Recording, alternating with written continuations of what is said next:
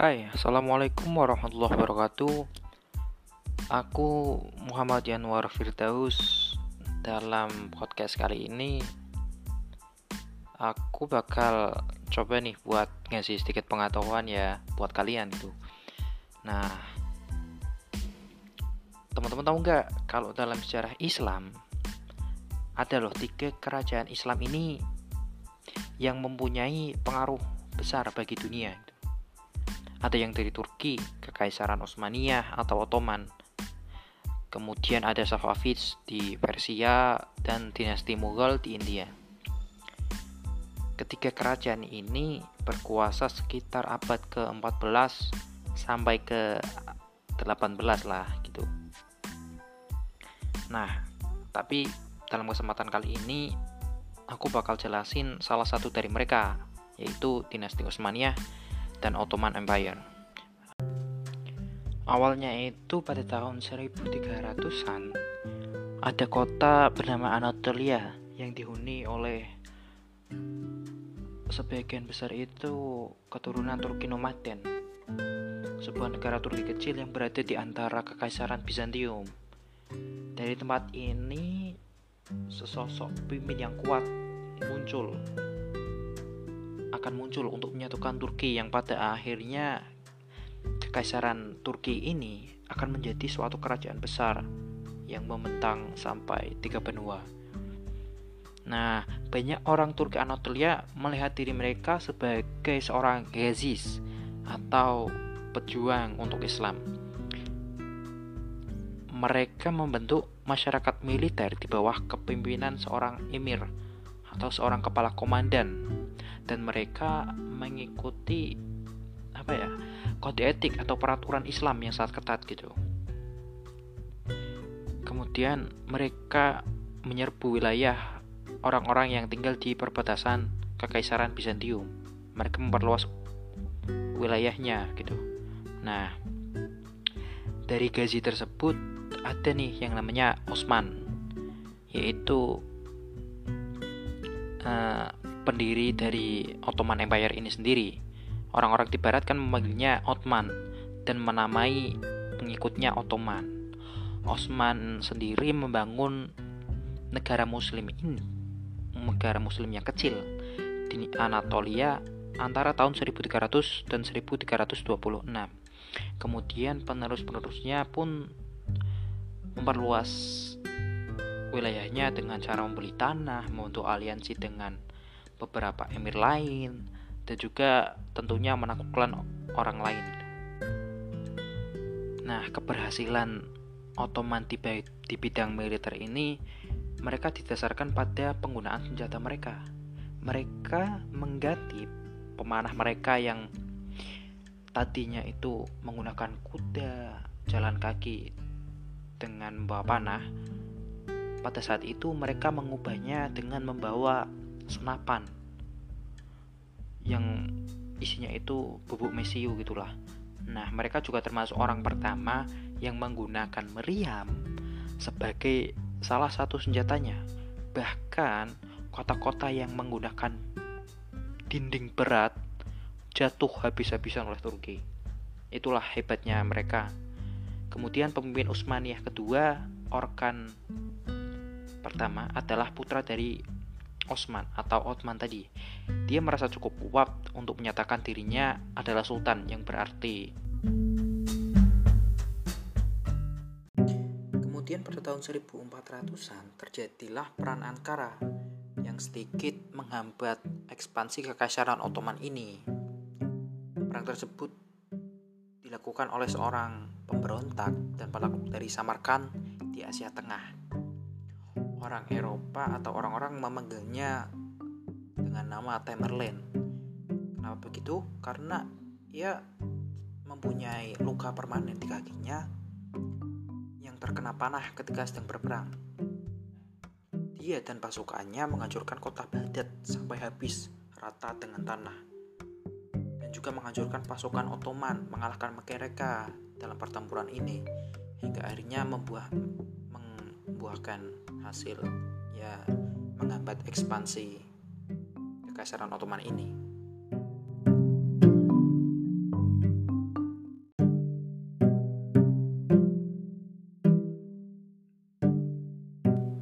Ketika si Temerlin tadi memperluas daerahnya ke Tiongkok, di dalam keluarga Ottoman itu terjadi perang, perang saudara di antara mereka. Mehmet pun mengalahkan ketiga saudaranya dan mengambil tahta tentu saja. Setelah itu, turunlah tahta ke putranya, yaitu Murad II. Dan bagusnya lagi, ia berhasil mengalahkan Venesia, Hongaria, dan bahkan mengatasi pasukan tentara salib dari Italia di Balkan.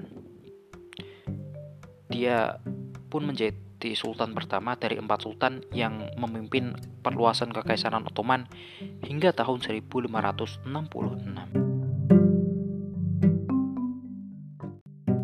Setelah peristiwa tersebut, anaknya si Murad itu Mehmet ia bernama Mehmet maju sebagai pewaris tahta setelah meninggalnya ayahnya. Ia dikenal dengan nama Mehmet the Conqueror. Kenapa? Karena ia berhasil menduduki kota Konstantinopel ketika ia berusia 21 tahun. Dalam penaklukan kota Konstantinopel ini diceritakan berlangsung sangat dramatis, teman. Diceritakan sangat seru, berbagai macam taktik dan strategi dikeluarkan oleh Mehmet ini. Sangat luar biasa yang membuat kota ini tunduk pada si Mehmet ini.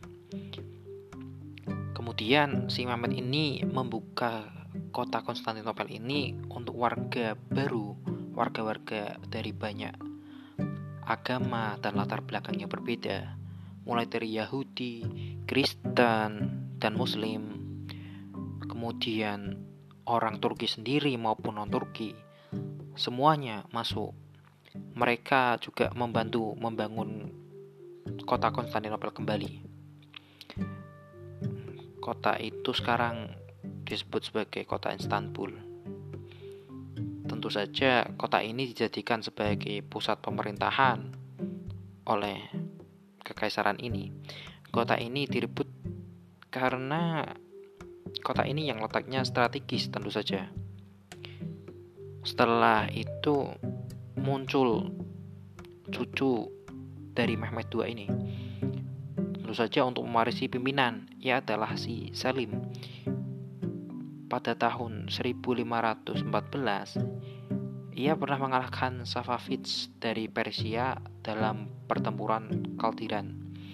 Kemudian dia juga mengalahkan apa namanya menduduki Suriah, Suriah dan Palestina dan hingga ke Afrika. Bahkan ia menguasai Makkah dan Madinah dan juga mengambil alih kota Kairo yang di mana pada saat itu kota Kairo merupakan pusat cendekiawan dan para ilmuwan Islam pada saat itu. Kekaisaran Ottoman mencapai puncak kejayaannya pada pemerintahan putra si Salim, putra dari Sulaiman pertama. Sulaiman sendiri mewarisi tahta pada tahun 1520 dan memerintah selama 46 tahun. Orang-orangnya sendiri pun memanggilnya Sulaiman the Lawgiver karena pada tahun 1521 ia menaklukkan salah satu kota penting di Eropa, yaitu kota Belgrade. Setelah itu, ia pun menguasai seluruh Mediterania bagian timur. Dengan kekuatan armada lautnya, ia juga berhasil merebut wilayah-wilayah di sepanjang pesisir Afrika. Kekaisaran Ottoman pun berhasil menguasai jalur perdagangan di sana, tentu saja. Setelah itu, Ottoman meluncurkan serangan ke Eropa, khususnya ke Hungaria dan Austria pada tahun 1526. Hal itu membuat bangsa Eropa panik dan takut. Ia telah berpengalaman melawan Eropa, Afrika Utara, dan Asia Tengah.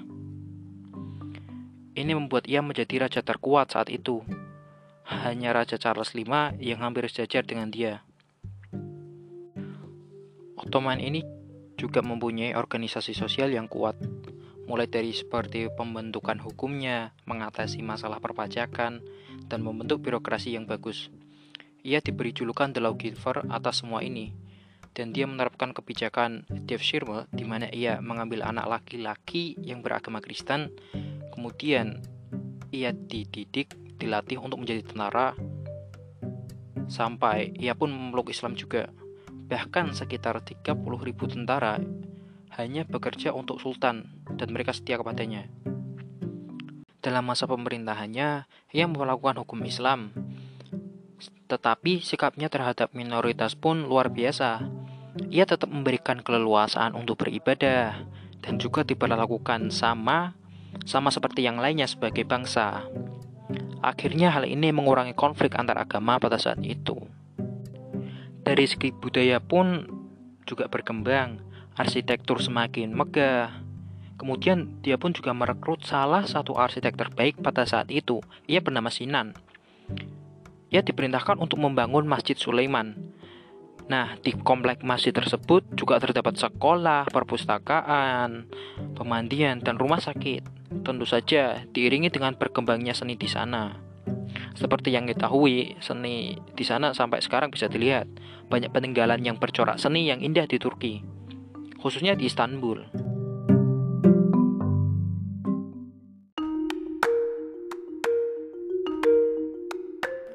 Nah, setelah Sultan mencapai puncak kejayaannya tersebut, ia mengalami kemunduran karena ia sempat membunuh anaknya yang di mana anak tersebut akan menjadi pewaris terbaiknya. Yang akhirnya putra ketiganya Selim kedua yang bisa dibilang tidak terlalu berkompeten malah menggantikan posisinya sebagai pewaris tahta.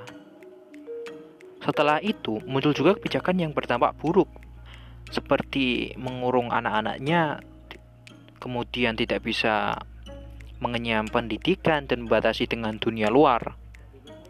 Kemudian dari kalangan kerajaan sendiri pun mereka suka hidup bermewah-mewahan dan berlebih-lebihan. Hal ini berdampak pada ekonomi mereka yang merosot. Hal ini berdampak terus-menerus menjadi kebiasaan hingga keturunan selanjutnya yang berdampak merusak kerajaan dan menyebabkannya hancur.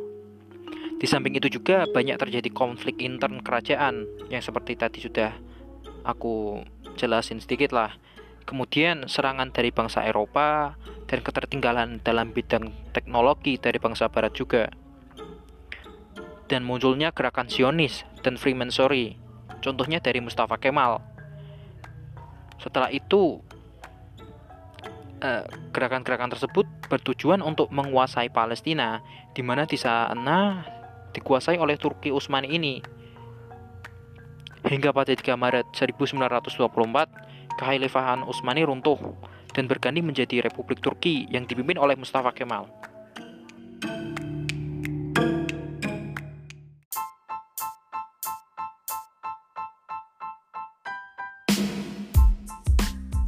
Meskipun kekaisaran Utsmani sudah runtuh, banyak warisan yang bisa kita dapat sampai sekarang. Mulai dari cara berpikir seorang pemimpin yang baik, kemudian dalam bertoleransi antar agama, pemberlakuan hukum, budayanya, seni, bahkan arsitekturnya yang indah sampai sekarang kita bisa dilihat dari peninggalan bangunannya oleh kekhalifahan Utsmani ini. Seperti Masjid Biru, Masjid Sulaiman, dan banyak lagi. Nah, itu saja teman-teman. Bila ada salah kata dan salah pemahaman, mohon maaf. Terima kasih. you